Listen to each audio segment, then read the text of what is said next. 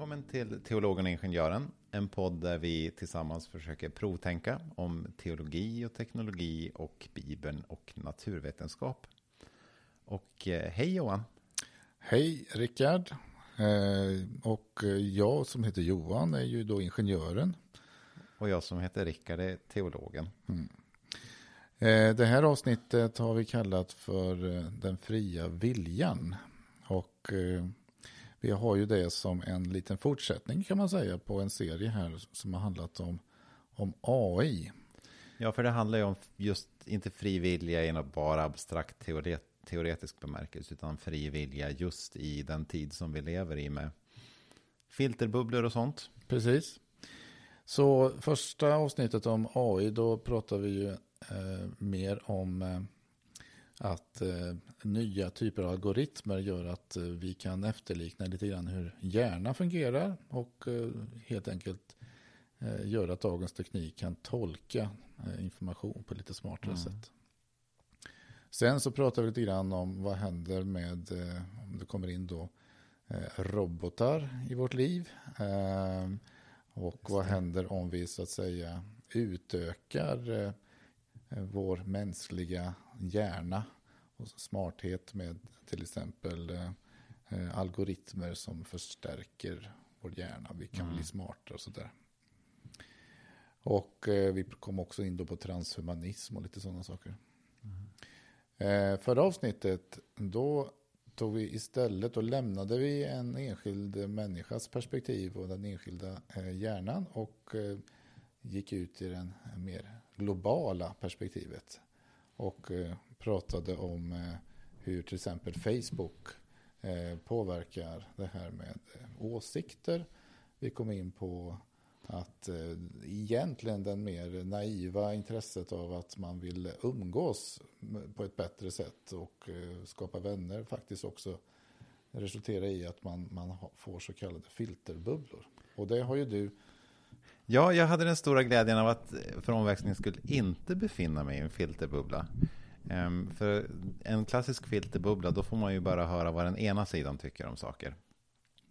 Men nu när eh, man äntligen lyckades besluta sig om ett regeringsalternativ överhuvudtaget så, så blev ju vissa oerhört upprörda på Centern och andra tyckte att Centern var mycket vis och kloka som hade tagit detta beslut att samarbeta med, med vänstersidan. Och, och jag fick faktiskt för omväxlings skull båda rösterna i mitt Facebookflöde. Både de som var superarga eh, och tyckte att eh, hon var en kvissling, mm. eh, Annie Lööf, och de som tyckte att hon var en eh, vis och klok person som hade räddat Sverige undan omval och sådär. Ja, så det... Och det här är ju en intressant eh, erfarenhet då, att du mm. råkar befinna dig precis så att du får bådas eh, filterbubblor. Det är ju väldigt intressant. Eh, jag däremot, jag fick inget av dem. och vad säger det då om mig? Eh, jag får istället eh, fortsättningsvis en massa hurtbullar som är ute och tränar inför Vasaloppet och hela den svängen. D där du själv faktiskt är med och bidrar lite ja, grann. Ja, bidrag, plågar dig lite grann med ja. hurtbulleinlägg mm. ibland. Ja. Men eh, jag gjorde faktiskt inget inlägg själv om det här, utan jag satt passivt och lyssnade på båda sidorna av diskussionen och mm. Eh, eh, tog inte ställning. För man orkar inte ta ställning i allt här i livet. Nej, det stämmer. Men jag är i alla fall glad över att vi har en, eh, vad som förhoppningsvis kommer bli en fungerande regering. Det är bättre än att inte ha en regering tycker jag. Ja, det instämmer. Men... Eh, nu ska vi prata om fri vilja. Nu ska vi prata om fri vilja. Mm. Och eh, då har ju du som vanligt plockat fram ett bibelord så vi får lite eh, bibliska saker att utgå ifrån om detta med våran fria vilja. Ja, och man kan väl säga så här att som lite allmänt om man frågar vad har Bibeln att säga om fri vilja? Så det första man får konstatera att, att ämnet fri vilja i sig är ju inte föremål för väldigt mycket diskussion i Bibeln. Nej. Utan eh, det är ju i, långa stycken ett icke-ämne för många bibeltexter. Mm. Det finns ju till exempel en berättelsen i Jeremia eh, i kapitel 20 där Jeremia han orkar inte med att vara Guds profet längre för att han tycker är så jobbigt att han hela tiden ska uttala dom över, över Okej. folk. För han blir inte poppis. Nej, eh, han tyckte att det är, han tycker det är helt enkelt bara oerhört jobbigt att vara den här som ska komma med dåliga nyheter hela tiden. Mm. Ehm, och då vill han sluta.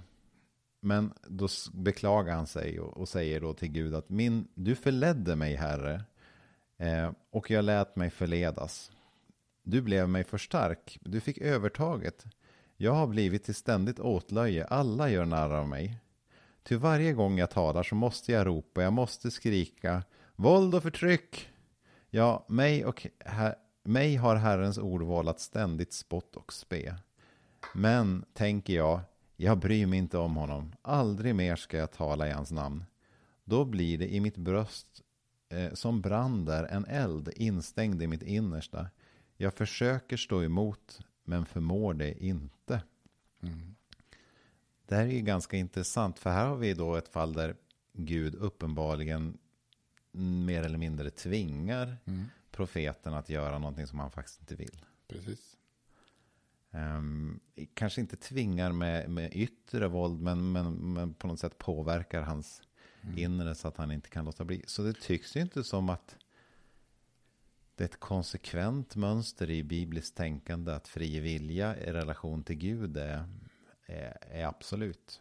Nej, nu kan man i och för sig tänka sig just det faktum att när det gällde just Jeremia så var, hade ju Gud eh, eh, ett eh, väldigt tydligt eh, användning av honom och uppdrag. Eh, så att eh, det var kanske bara för Jeremia, han var chanslös att, att värna sig mot det.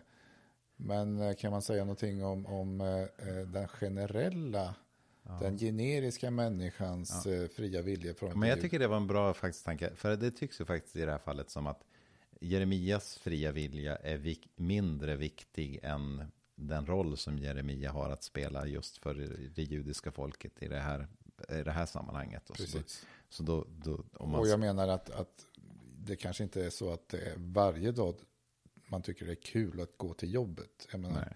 Man har ändå ett uppdrag, man har en roll. Mm. Men du tänk, men ja, fast det är, frågan är om, om Gud borde gå in där varje dag och känna att det är som en eld och brinner i ditt innersta varje dag du inte vill gå till jobbet. Nej, Nej. En, ett mer dramatiskt exempel är väl när eh, Jona har ingen lust att predika för Nineve. Han vägrar ju. eh, För han tycker att om han predikar dom för Nineve så kommer ju Gud bara förlåta dem. Mm.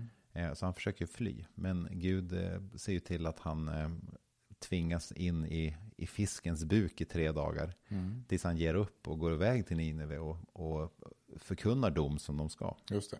Och mycket väl så, så ångrar sig ju nineviterna och Gud förlåter dem. Och Nora, Noa blir, nej, inte Noa, Jona eh, blir på jättedåligt humör. Så där kan man ju också säga att det är också ett fall där Guds stora plan var viktigare än Jonas fria vilja där. Eh, Men styr Gud alltid allting och allt vi gör? Nej, det där är en intressant fråga, men eh, vi kan spara den lite grann. För det finns ju faktiskt, de här två berättelserna till trots, så finns det ju ändå, dels i alla profettexter som vi var inne på nu, i det här att Gud uppmanar folk till att göra det goda och inte göra det onda via sina profeter. Mm. Det underförstår ju att det finns någon slags moraliskt val hos människan att göra. Man kan välja om man gör det, Mm. det onda eller det goda. Och det finns faktiskt en passage som är explicit och tydlig med det. Och det är en passage då som tillhör de skrifter som inte alltid har varit accepterade i våra traditioner, alltså i lutherska och reformerta traditioner. Och- Apokryferna? Ja, de, eh, de gammeltestamentliga apokryferna. Och det är ju ur Jesus Syraks vishet kapitel 15. Men Jag tycker den är faktiskt den mest intressanta texten för, för idag. Och den har fått rubriken Människans fria vilja i Bibel 2000. Och det är i kapitel 15 och vers 11 och framåt. Så här säger alltså Jesus Syrak. Säg inte det var Herren som fick mig att avfalla. Han framkallar inte det han avskyr. Säg inte, det var han som förde mig vilse. Han har ingen användning för en syndare. Herren avskyr all vidrighet och ingen gudfruktig älskar den. Han skapade människan i begynnelsen och överlämnade henne åt hennes eget val. Om du vill kan du hålla buden. Du bestämmer själv om du ska vara trogen. Eld och vatten har han lagt framför dig. Räck ut din hand efter vilket du vill. Framför människan ligger livet och döden och hon får det hon väljer. Ty stor är Herrens vishet, väldig är hans makt och allt han ser. Hans blickar följer dem som fruktar honom och ingen mänsklig handling undgår honom. Han har inte befallt någon att leva gudlöst. Ingen har fått hans tillåtelse att synda. Mm. Så det finns fri vilja. Enligt Jesus Syrak. Mm. Ja. Alltså, och, men det kan man ju likna vid att, att eh, eh, den goda vägen kanske då är mer fastlagd. Och sen så har man den fria vilja att försöka hålla sig på den. Eh, och, ja. och variationer där man liksom och, eh, hamnar i diket är inte Guds fel. Eh, ja, men det är väl det som är tanken med den här versen. Att när du väljer att göra det som är ont så är det du som har valt det. Det är inte Gud som har tvingat dig. precis. Eh, och det, det är ju ganska viktigt utifrån den här tanken. Om, om Gud nu ska döma hela mänsklighetens utifrån, på, utifrån ont och gott om, en dag. Då är det ju inte rimligt att Gud dömer mänskligheten om Gud själv är orsaken till att mänskligheten har gjort det onda. Helt enkelt. Nej, det blir lite moment 22 i så Ja. fall. Ja. För det, om du skapar en varelse som, som gör något dumt och sen så straffar du dem för att de har gjort något dumt. Då, ja, då är det ganska meningslöst Mm. skulle man kunna säga. Just det. Kanske till och med skulle man säga att det är omoraliskt. Ja, det kan man ju. Eh, ja, då blir det ju, då är man, då är man ju en mar, vad heter det? Med, mar, inte marionett, ma, vad heter de här? Marionett. Marionett, ja, förlåt. Marionetthållare. Vad heter det? Så här som ha, har marionetter. ja, man, man ja. är helt utan egen förmåga Ja, att styra. Mm. För att göra saken lite mer komplicerad, om vi ska ta ett sista bibelpassagen nu som jag ändå tycker är Mm. lite intressant. Det är ju eh, Romarbrevet 7.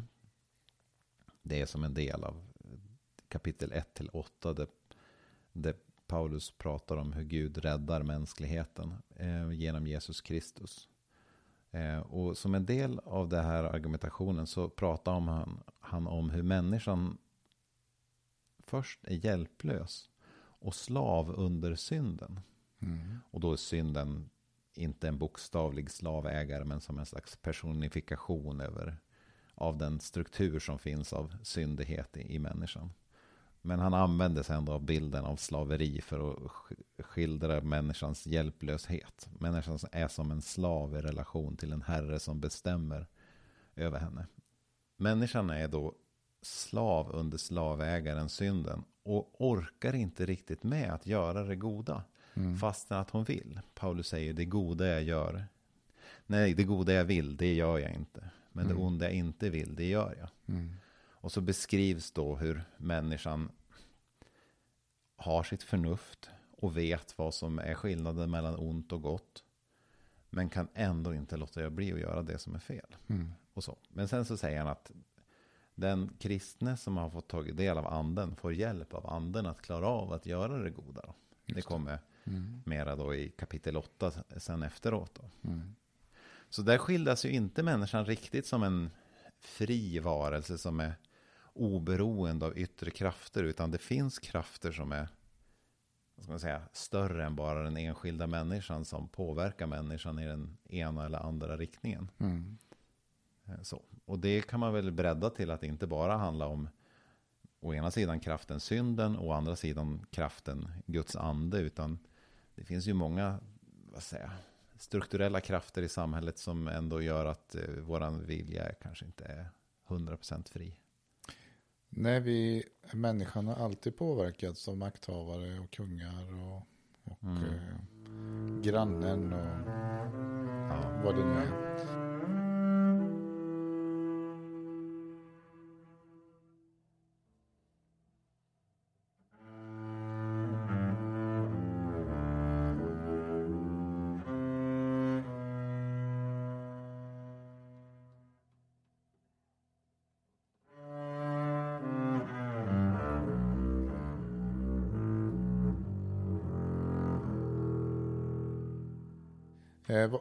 Fri vilja? Eller vem, när, när dök eh, begreppet upp? Ja, det, jag vet inte exakt vem som sa fri vilja först. Men, men det tycks ju ändå vara en grundläggande struktur, ska jag vilja säga, i vårt mänskliga tänkande. Att allt vårt, all vår föreställning om, om att vi är moraliskt ansvariga och sådär bygger på att vi uppfattar det intuitivt som att vi kan välja mellan att göra det som är rätt och det som är fel. Mm. Och göra det som är bättre eller sämre. Så det är väl från stenåldern eller något.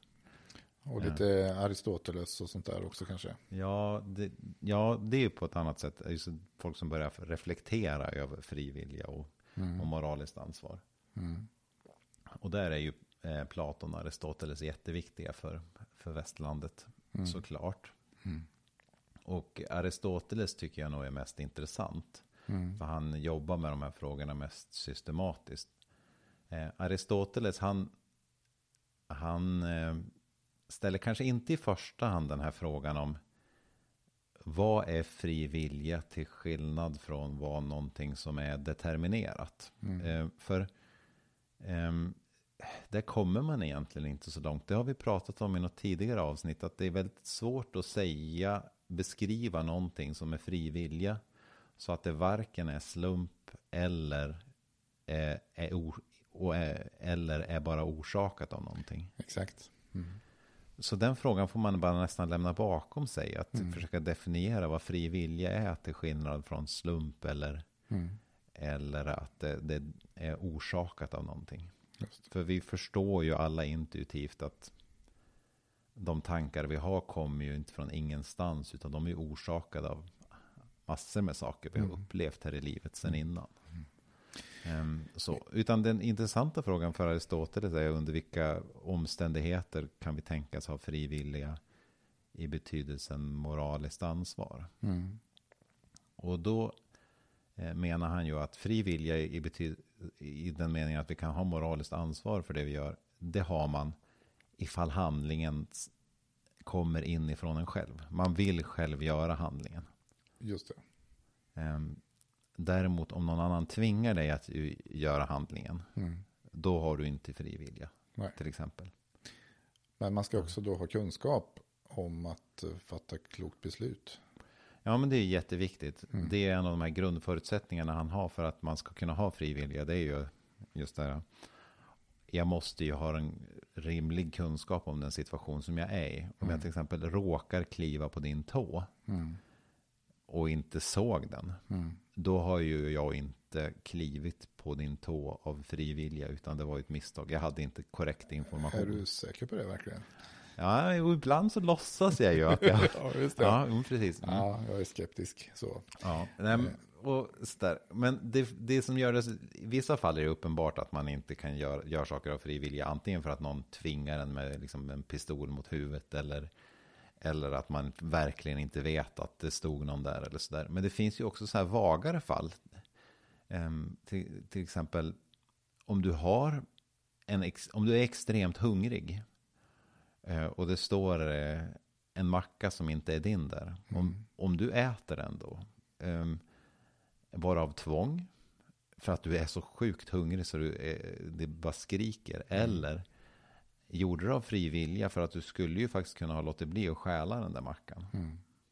Och det är lite vagare fall. Mm. Oh, ja. Eh, Och där får man ju diskutera, men där moraliserar ju Aristoteles och många andra om just det här att ett visst mått av impulskontroll kan man faktiskt kräva av en vuxen människa. Mm.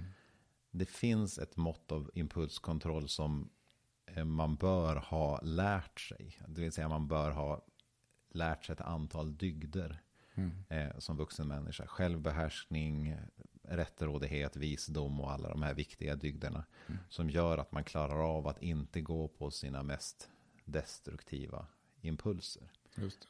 Så om det är något, eh, något pervo som, som springer efter en massa eh, kvinnor som man inte borde springa efter. Så Mm. kan man, visst man skulle kunna säga, nej men han har så svag vilja så han kunde inte hjälpa sig själv. Men de flesta av oss tycker nog att eh, han är en vuxen människa så han borde ha lärt sig att inte springa efter allting som rör sig. Och då kom vi in på de här eh, Mm. två nivåerna på, på fri vilja. Vi kommer väl komma tillbaka Mm. till det, men på något sätt så, de, eh, de impulserna, drifterna är ju en, liksom en, en väldigt eh, ja, låg nivå kan man säga. Och sen har vi det mer intellektuellt framtänkta Mm. fria viljan om vad man har för politisk eh, eh, inriktning kanske. Man skulle kunna säga lite, Mm. det är en annan högre nivå. Så. Ja, precis. Och där man ibland i alla fall kan använda den här högre nivån av fri vilja för att hålla sina mera eh, instinktiva nivåer av viljor Mm. eh, på, i schack. Mm. Jag menar sexualdriften är väl ett bra exempel på det. Just det alltså, det sexualdriften är ju ganska så otymplig. Och då är det väldigt bra att ha någon slags intellektuell nivå på det här som... Säger som, du så till din fru att sexualdriften är otymplig? Ja, nej, det är inte så romantiskt. Nej. Nej. Mm, men, eh, men då är det jättebra att liksom ha fostrats in i att ha någon typ av mer långsiktig intellektuell moralisk vilja. Vad man, vad man vill göra av sin sexualitet. Och, in, och inte vill göra av det. Ja. Mm.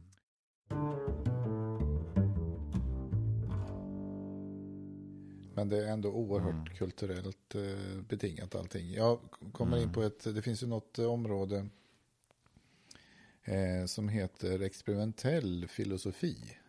Det känner du säkert till bättre än jag. Jag råkade Ja, snubbla på en podd som, som, som, eh, där man gör undersökningar av den här typen. Att man, man ställer en fråga till, eh, till, till intervjupersoner av den här typen. Att låt oss säga att en företagsledare eh, får en möjlighet, eh, ett affärsförslag som går ut på att eh, man kommer att eh, kunna enkelt tjäna väldigt mycket pengar.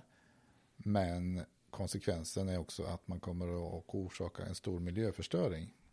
ja, ja. Och sen låt vi, antar vi då att eh, den här företagsledningen helt enkelt eh, med sina direktiv alltid väljer vinst eh, för allting annat. Och då skulle man alltså sen då ställa en fråga till, till de här intervjupersonerna. Tyckte, tyckte ni att eh, den här företagsledningen eh, så att säga eh, av sin fria vilja valde att förstöra miljön? Mm. Och sen så kan man vända på det där att säga då att det är ett annat fall då där affärsförslaget innebär att man på köpet råkar faktiskt rädda miljön som en Mm. liten bonus. Och så kan man då ställa samma fråga Mm. igen. Och folk kan då svara på att antingen att ja, det var ett medvetet beslut eller kan de säga det att ja, det råkade bara bli på köpet och det var inte in, Mm. det. Ja. Och det där visar sig vara väldigt varierande beroende på i vilket land de här försökspersonerna finns. Så det är alltså Jaha, kulturellt intressant. betingat. Eh, det är ett sätt att tänka i till exempel USA kontra Asien och sådär. Mm. Så, så det, den, vad betyder den fria viljan är också lite kulturellt eh, betingad.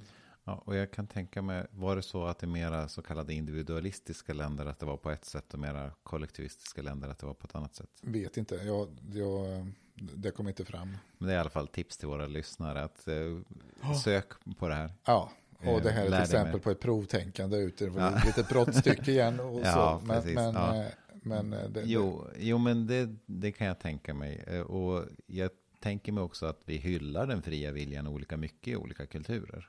Eh, det, just det. Mm. Alltså, ju, vi lever ju i en superindividualistisk kultur och, och vi hyllar ju den människan som gör ett medvetet val. Mm. Det är så fint att göra medvetna val. Mm. Men till exempel i antiken som var en väldigt kollektivistisk kultur och där Bibeln kom till Mm. så hyllas ju att eh, alltså, uppfylla sin roll i samhället mycket mer. Mm. Och det handlar inte om att välja, utan det handlar helt enkelt om att förstå vad man har för roll i samhället och göra det som krävs av en. Precis. Och Ja. det finns det ju stor skillnad på olika Mm. kulturer naturligtvis. Eh, Mm. Man tar extremfallen då, så Sverige är ju faktiskt ett extremfall kring individualistiskt tänkande och sen har vi väl östra Afrika och länderna där som är Mm. helt i, i den andra skalan. Det finns Ja. någonting som heter World Value Survey med en sån här, den berömda kartan. Jag vet inte om vi har pratat om det i... Nej, men jag har på- sett den också. Ja, Ja.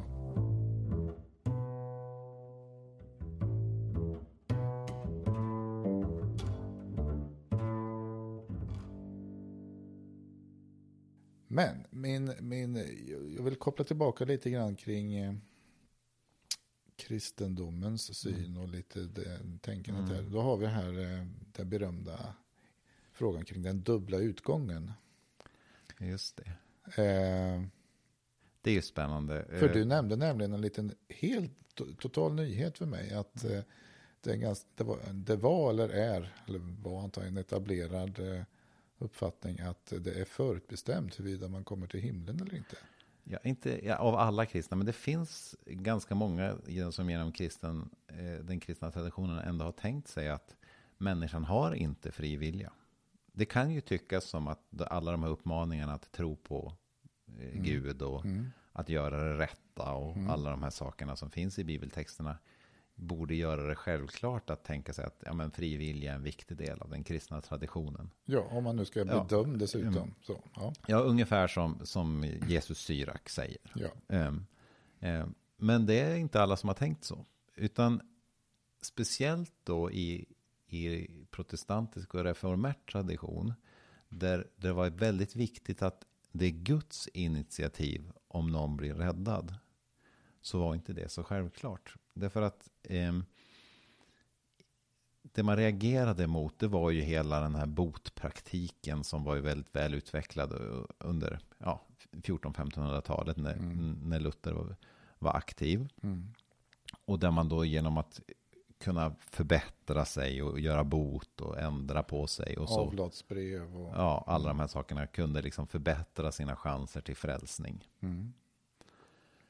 Och mot det reagerade ju Luther och sa nej, det är helt och hållet bara av Guds nåd som människan blir, Mm. blir räddad. Mm. Och drar man den tanken till sin spets, då, Vilket många förstås gjorde. ja, precis, Mm. då blir det ju så här att det är helt och hållet Guds initiativ om någon blir räddad. Ja. Och eh, han hade ju bland annat en di- diskussion med Erasmus av Rotterdam, eh, som levde samtidigt som Luther då. Så där Erasmus först skrev en bok som hävdade att människan har fri vilja, Mm. varpå Luther skrev en bok som eh, hävdade nej, människan har trälbunden vilja.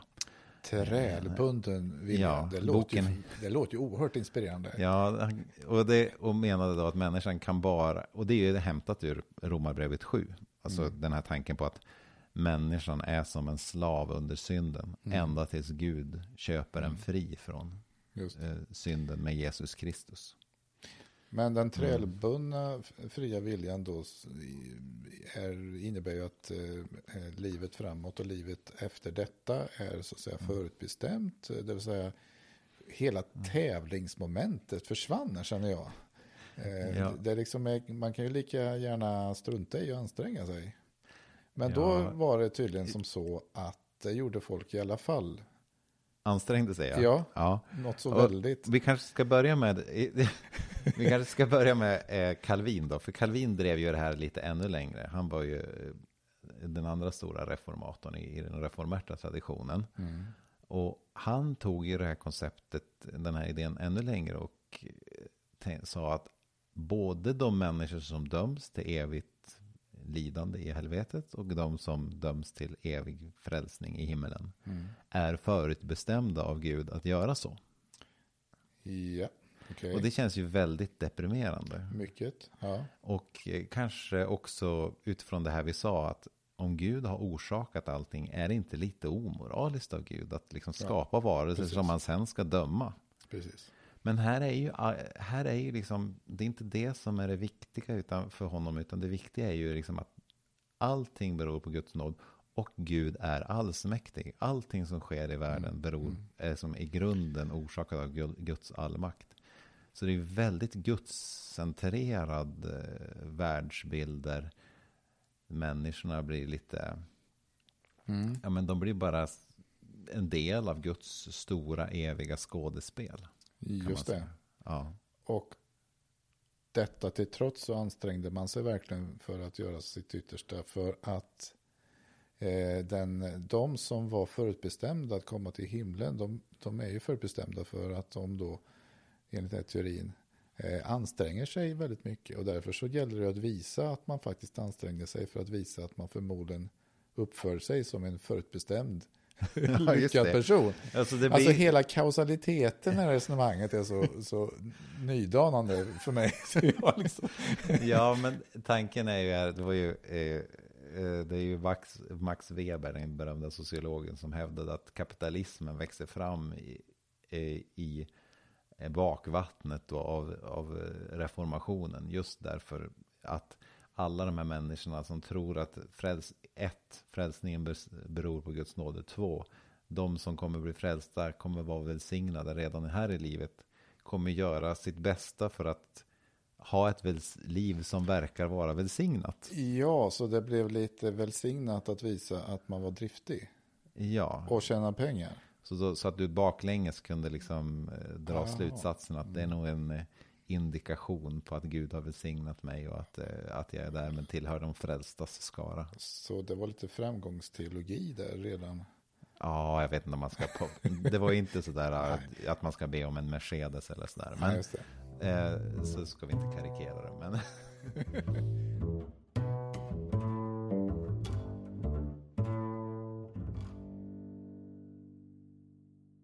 Ja, men, men kapitalismen kom vi in då på. Eh, Alltså temat för, för det här avsnittet eh, har ju lite grann med ja, har med fria viljan att göra och en tydlig koppling då till, eh, till AI och, och sociala medier och Facebook och så. Mm. Eh, ska vi hoppa in på eh, vår vän Harari kanske? ja, kör. Eh, det finns en författare som, som heter, eh, nu ska jag slå upp här, Yuval Noah Harari som har skrivit eh, eh, den, den A Brief History of, of Humankind. Jag kan bara den engelska titeln där. Det var en sån här bestseller som eh, kom för ett tag sedan och den senaste heter ju Homo Deus. Och eh, där han då eh, plockar fram eh, situationen, eh, bakgrunden till människans eh, oerhörda framsteg i vår värld. Eh, varför människan har faktiskt är det djur som har eh, lyckats så oerhört mycket bättre än alla andra varelser. Och eh, den här Homo Deus-boken är ju då mer framtidsorienterad och ganska dystopisk. Där Mm. Där mm, i princip man säger, eller han, han, han resonerar om att, eh, eller förutsäger att AI och maskiner kommer att så att säga ta över i, i tillvaron på ett av människan icke kontrollerat sätt. Och har man sett lite sci-fi-filmer så känns det där väldigt trovärdigt. Ja, men han, han bygger ju upp ett, ett, eh, så att säga, ett resonemang som är ändå väldigt väl intellektuellt underbyggt. Och även om han driver också en, han är ju en, han, han är ju en egen partsinlaga. Så att säga. Så det Ja. betyder inte att, att det finns andra synsätt på detta. Utan han är ju också emotsagd. Men andra. han målar upp ett möjligt scenario helt enkelt. Ett möjligt scenario. Ja. Och en tes han beskriver här är ju då att det här med den fria tron, att människan har en fri vilja, är en uppfinning av kristendomen. Och var därför förutsättningen för att när, när eh, upplysningen kom och när eh, så att säga eh, människan då plötsligt började tänka att det kanske inte är som så att Gud styr så väldigt mycket eller att Gud finns till och med. Det kom fram då andra saker som styr i livet, makthavare och så vidare och alla ismer dök upp och liberalismen och kapitalismen och allt det här. Så var ändå då demokratin och sättet att eh, eh, säga, demokratin förutsätter att människan ska ha just en egen fri och oberoende vilja och att ska kunna fatta beslut baserat på någorlunda vettig kunskap. Man kan säga att eh, idén bakom det betyder då att man ska ha fri press och eh, bra mm. utbildning och, och sådana saker. Ja, just det. Eh, och hans tes nu då är att den här fria viljan, är vi fria människor att fatta kloka beslut, att det har väl från början varit en myt. Mm. Och det kan man ju kanske i och för sig alltid tänka att man har alltid som människa varit påverkad, så det är inte så konstigt. Mm. Men att man nu då i en storskalig omfattning tack vare de här filterbubblorna eh, och algoritmer faktiskt eh, kan eh, makthavare kan styra människor på ett väldigt... Men det är ju viktigt. Jag skulle fråga, vilken av de här friviljefrågorna är det han anser vara en myt? För menar, det finns ju dels den här principiella frågan, kan människan vara en första orsak till någonting? Alltså, han gör vara någonting annat än slump eller att vara orsakad. Mm. Den andra frågan är, kan beslut hos människan säga, komma rent inifrån? Eh, den här med lite mer praktiska frågan som Aristoteles hade, när kan man anse att människa är moraliskt ansvarig? Mm. Eh, och det, är det tydligt vilken av de två han menar? Nej, eh, för det kanske är som så att han menar att det är egentligen ett och samma mekanismer. Nu är jag ute på lite tunn is. Men, ja, för jag men, tänker mig att det kanske är så att i, i någon me, mening så är, på filosofisk plan så är allting determinerat eh, så. För att mm. vi, alla, våra, alla våra beslut är i hög utsträckning orsakade av saker som har hänt oss i livet och mm. alla de, vilka vi har blivit och sådär. Mm. Eh, men sen kommer ju också frågan, hur bombarderade blir vi utifrån av information? För det kan man ju säga, det skulle kunna vara en faktor som, mm, som eh, allvarligt begränsar eh, den fria viljan. Därför att om man eh, utsätts för ett, information, ett visst informationsflöde, då kan man nästan likna det informationsflödet vid ett yttre tvång. Inte riktigt lika konkret tvång som att någon hotar en med pistol, men ändå. Ja. Exakt, och, och, mm. och, och det han refererar till är ju då vetenskapliga studier där man stoppar in eh, människor i en magnetkamera och ska fotografera hjärnan. Det har vi ju pratat mm. om tidigare. Ja. Eh, där det väl visar sig då att när, när en människa i denna försöksuppställning då eh, tycker att man har fattat ett beslut mm. och trycker på en knapp eller vad man nu gör mm. så, så kan man sen då se på, på bilderna av hjärnan att ja, men, i den tidpunkten du upplevde att du fattade beslutet så kan vi se att det började redan eh, resonemanget som vi då kunde mäta skulle leda just till det beslut du faktiskt tog. Mm. På, eh, på, eh, börjades på ett deterministiskt sätt redan i förväg. Det säga man, kan, man skulle då kunna säga det att om, om man har en väldigt ateistisk syn eh, på att människan är en maskin mm. enbart, alltså väldigt reduktionistiskt så, så kan man säga att ingenting eh, är då frivillig, utan allting är en konsekvens av någonting annat. Det vill säga mm. att allting är styrt av de impulser, intryck, informationsinflöde som, som, mm. som kommer in. Fast I sådana fall så låter det som, och det kan jag väl hålla med att det är en, en möjlighet. Men då tycker jag nog att han slarvar lite grann i, i, i sitt tankemönster här. För att gå det är två olika delfrågor. Dels den här frågan om determinism, alltså att vi på något sätt, att våra beslut är determinerade av saker som har hänt innan. Mm.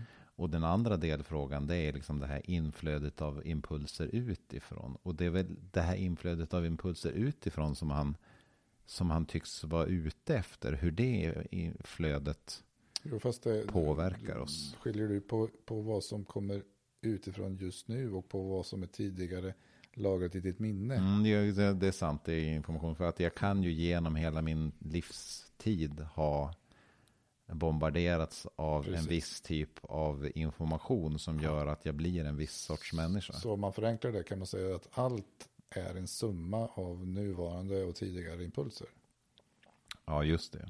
Um, och men fortsätt, han är ute efter någonting. Vad, som, vad det blir någon typ av skillnad eh, kring de här impulserna det, utifrån? Det, han han, han mm. menar på att eh, därmed är det bevisat att människan inte har någon fri vilja. Liksom. Ah, okay. Utifrån ett vetenskapligt mm. perspektiv och att det här att den fria viljan var en myt från kristendomen. Och dessutom har vi nu då eh, sedan en lång tid byggt upp då en, ett, eh, en demokratisk och liberal ordet liberal i hans mening omfattar i princip alla eh, Sveriges mm. partier. Kan man säga det. Eh, eh, snarare så anti-diktatorisk eh, eh, mm. statshållning som, som det betyder. Men, men den eh, västerländska sättet att, att eh, sköta sin, sin demokrati, att det bygger så mycket på myten om fri vilja. Så att mm. nu då när, när eh, vi påverkas av storskaliga algoritmer så, så ligger vi pyrt till. Mm. Fast det måste jag säga, jag, jag, förstår precis vad han är ute efter. Att det, det finns nya möjligheter att, att, påverka oss människor med mm. nya teknologier. Men att måla upp tiden före sociala medier och de här algoritmerna som som en oskyldig tid, det tycker jag är nog inte riktigt, det är nog en försköning av historien. Om vi tänker svenskt 1900-tal. Mm. Eh, och så, det skedde ju en väldig omsvängning som ju, när socialdemokratin tog över och sådär. Mm.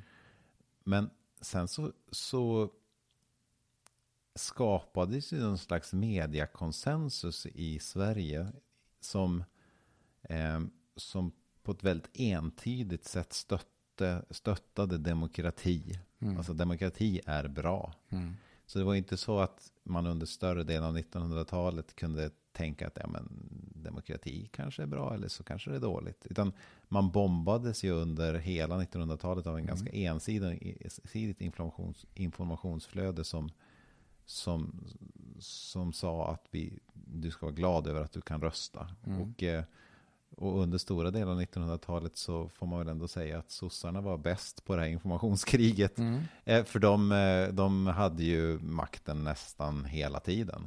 Så, då, så då, då, kan vi, då kan vi mm. alltså slutsatsen är att naturligtvis har vi mm. haft informationsflöden som har påverkat ja. eh, tidigare. Mm. Så vad är det nya nu med teknikens eh, framsteg eftersom den accelererar. Ja, precis. Det är ju intressant. Och det han menar då är det nya, det är att kunskap, förmågan att globalt använda teknik på, det vill säga på hur många människor som helst samtidigt. Mm. Det är mm. ju liksom en ny faktor. Men det är också så att kunskapen om människans eh, biologiska eh, beteende, hjärnans eh, uppbyggnad, hur vi som varelser så att säga responderar på stimuli. Mm. Den är mycket rikare och då menar han på att detta har då de som gör algoritmer, speciellt om de har syfte att påverka oss människors tänkande, så mm. har man oerhört mycket större förmåga att få till det då. För att man kan komma åt varje människas eh, impulser. Ja, och då det. kan man fråga sig, hur går det till? Vad, vad, ja. vad då impulser? Tycker du att du blir påverkad av en algoritm impulser, Rickard? Jag har ju faktiskt tänkt på det. Jag, för några år sedan så skulle jag nog tvärsäkert svara nej. Ja. Men jag tror nog att jag gör det. Eh, ja. Därför att jag vet ju vilken typ av data som, som de här stora nätjättarna samlar in om mig. De ja. försöker göra en slags psyk inte bara det att de försöker samla information om vilka aktiviteter jag gillar och sådär. Utan mm. de försöker ju göra någon slags psykoprofilering av mig också. Ja. Försöka få någon slags bild av mig om jag gillar positiva saker eller om, jag, eller om jag går igång på att bli arg eller om jag går igång på saker som är sorgligt. Och alla de här sakerna försöker ju, ja det är väl Facebook och Twitter och Google och alla de här, mm. försöker ju ja. profilera ja, mig precis. psykologiskt.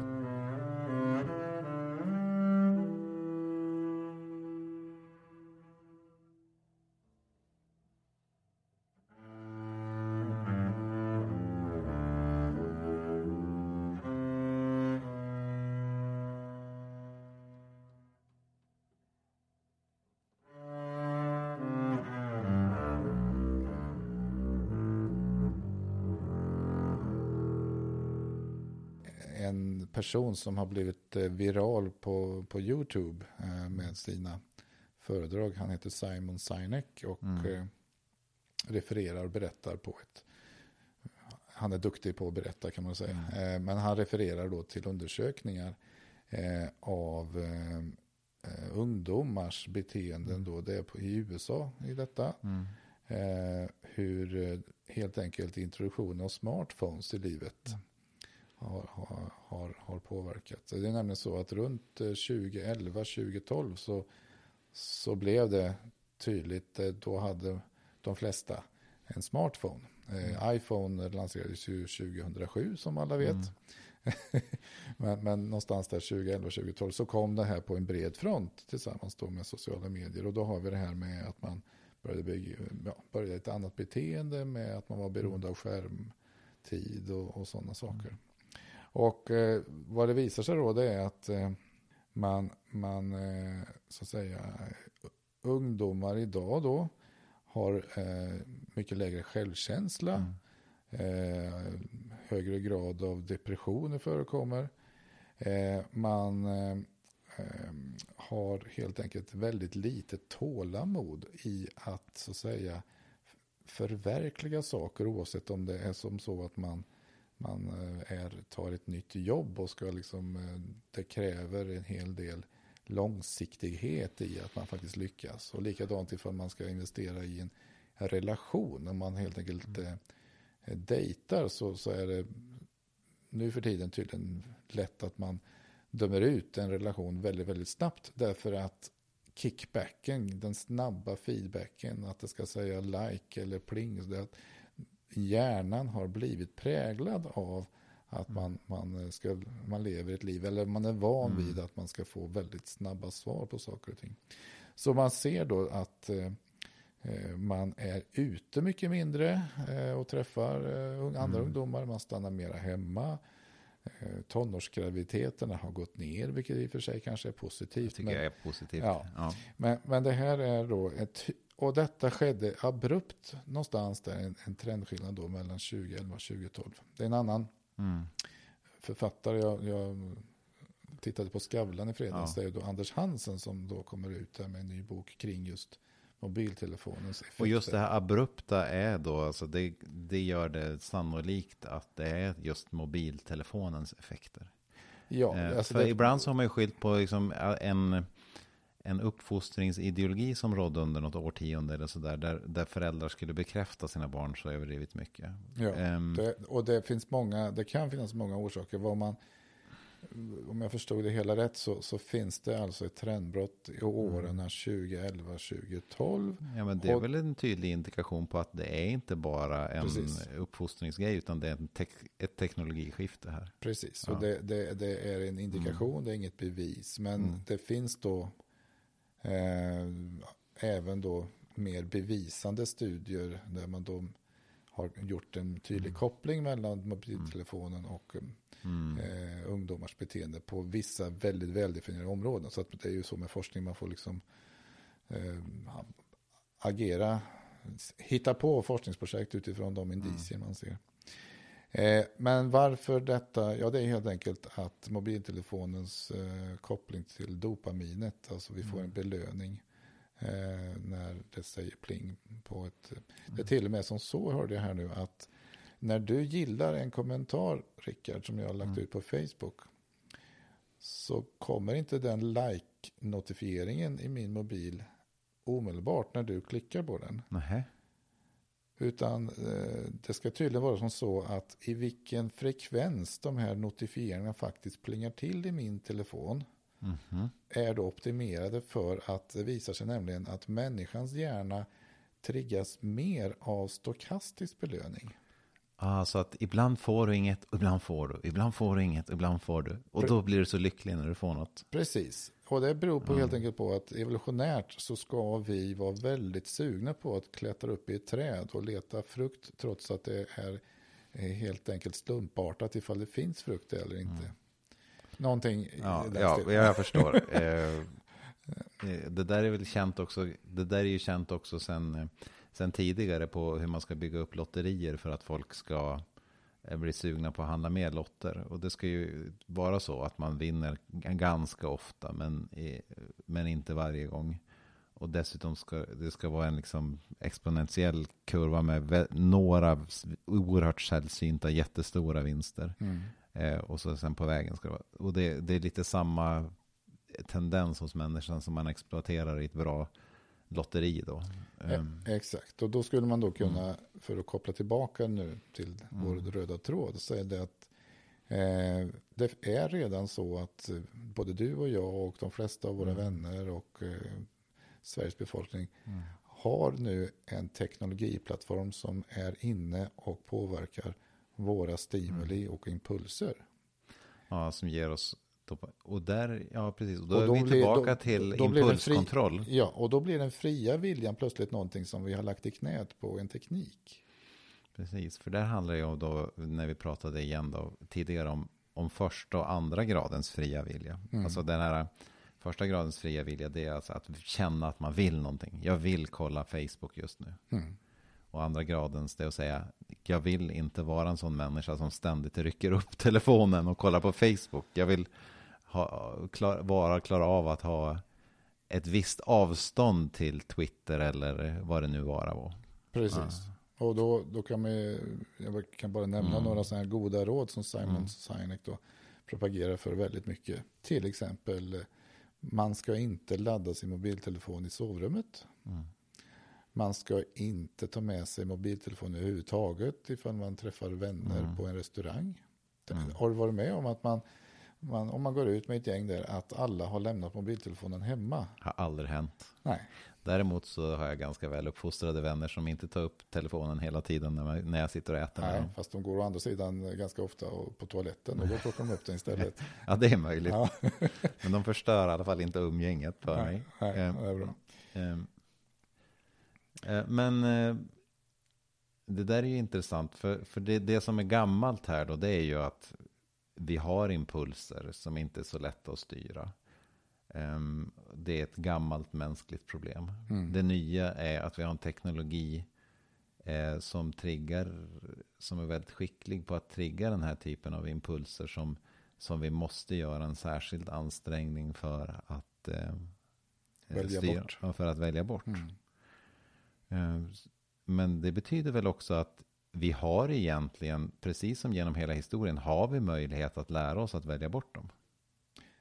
Absolut. Den, ja. Eh, så mycket slavar skulle jag ju ändå vilja påstå mm. att vi inte är. Nej, den gamla aristoteliska dygdetiken kanske kommer tillbaka. Man behöver skapa en slags dygder runt, eh, runt mobiltelefonin. Då. Mm. Alltså. Och eh, många tror ju att eh, Europa kommer att bli, så att säga, tar ta för mm. sig och, och även skapa lagstiftning mm. eh, för att eh, vi ska må, må bra mm. i, i den här nya tekniska mm. världen.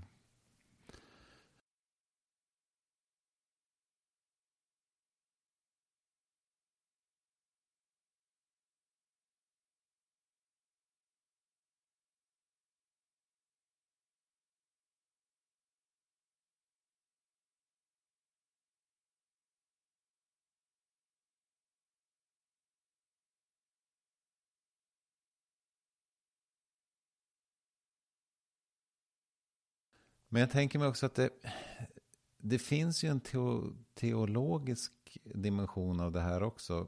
I, som jag pratade om.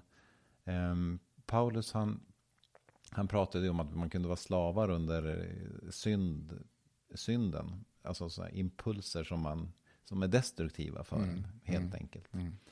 Uh, men och att människan riktigt i sig själv inte riktigt var kapabel att helt och hållet hantera de här impulserna. Mm. Utan man behövde Guds hjälp. Man behövde hjälp från anden från, eh, för att göra det här. Mm. Och där tänker jag mig att det finns en slags andlig dimension i, i det här tänket också. Även den här typen av impulser kan det vara viktigt att tänka att jag är inte själv med det här. Um, det finns en kraft som är större än mig, Gud, som vill hjälpa mig att leva ett liv som faktiskt är i enlighet med våran kallelse som människor. Det vill säga att befinna oss i som du sa, att satsa på lång, långvariga, djupa, riktiga relationer. Mm. Det som är liksom meningen med Mm. ett gott mänskligt liv. Mm. Och där är vi inte helt och hållet bara utlämnade åt oss själva, utan i detta så kan vi på något sätt få förlita oss på att Gud kan bära oss fram i det här Mm. och hjälpa oss med det. Kanske låter trivialt att Gud hjälper oss med mobiltelefoner, men ibland så kanske man behöver tänka lite sådär konkret och trivialt. Mm. Jag tänker ju eh, ofta att, att eh, eh, människor som man möter som råkar, alltså det, Mm. det, det är säkert någon mening med det och att Mm. Gud eh, har en tanke med att man träffar Mm. olika typer av människor och sådär. Å andra sidan så kan man säga att i väldigt många sammanhang så har ju Facebook Messenger faktiskt hjälpt till att man träffar vissa människor. Ja, ja. Nej, men som vi har konstaterat så många Ja. gånger tidigare. De här eh, teknologierna är inte onda eller goda i sig. Nej. Eh, Det handlar om hur vi använder dem. Mm. Det har vi pratat om många gånger. Så det håller jag med om. Och det är ju likadant med många av våra impulser som vi har. Mm. Många av våra impulser är ju inte onda. Utan de är ju jättebra för våran överlevnad. Mm. Eh, Det är ju bara det att vi måste ha den här andra gradens vilja. Alltså i dygderna som, som hjälper oss att styra våra impulser i en konstruktiv riktning. Mm.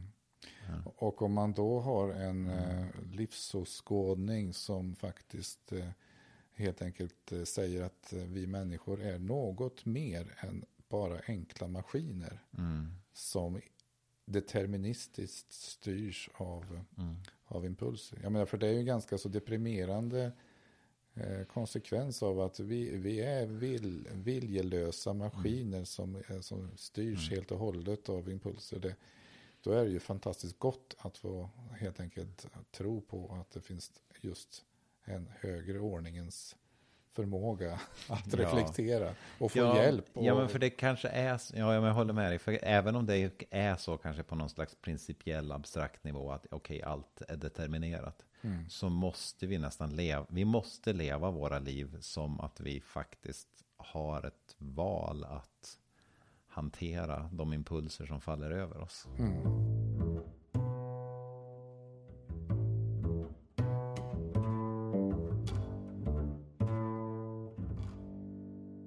Och nu så ska vi väl avrunda och konstatera Ja. här att vi, vi, vi kanske delvis på grund av diverse påverkan från, från eh, Facebook och, och impulser har vi nu råkat hamna i det läget att vi har liksom hållit oss kvar i det här temat med, med, som har med AI kan man väl säga. Ja, Ska vi våga oss säga här att vi nu istället tar tag i, i detta med vår fria vilja och säger att nästa gång så kommer vi inte prata om Facebook. Eller vad tror du Rickard? Nej, jag tycker det är ett ve- ve- vettigt viljebeslut. Ja, Det krävdes en, en viljeansträngning av andra ordningen för att, för att ta sig loss ur AI-träsket här. Ja, Men det tror jag vi klarar av. jajamän. Mm.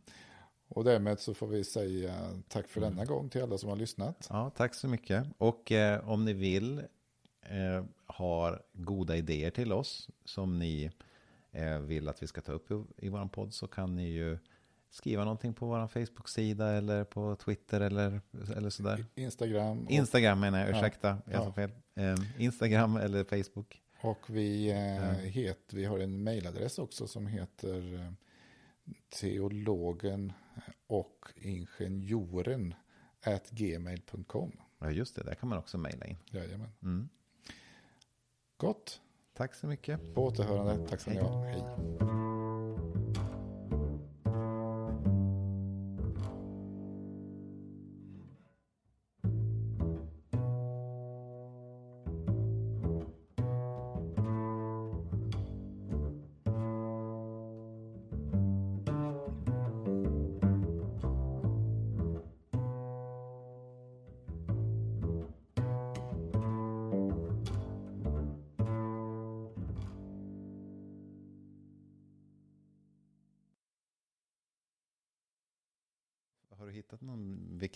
Ovana som jag borde göra mig av med? Ja, men det går inte att göra så om med det. Nej. Alltså det men, men det är väl... eh, Ja, du andas väl emellan. Det är lite, har högljudd andning. ja, lite så. Och det klagar mina barn på också. Men, men eh, De bara, högt andas pappa, andas tystare. Jag bara, jag kan inte andas. Kan, kan du vara tyst och bara andas då för att höra?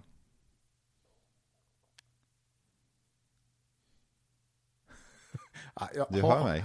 Nej, det gör jag inte. Men, men eh, jag tror att det, du, nu är micken lite längre ifrån än vad du brukar ha. Så att kör, kör sådär. Det Ja. blir bra. För att det som är... eh, Det som hörs i inspelningen det är ifall det kommer en luftström. För då blir det Ja. så här rant, eh, sus. Och så Ja, länge så det inte... för mig är det extra, extra viktigt att, att inte andas rakt in i micken eftersom jag har så Ja, ljudlig. precis. Det är lite...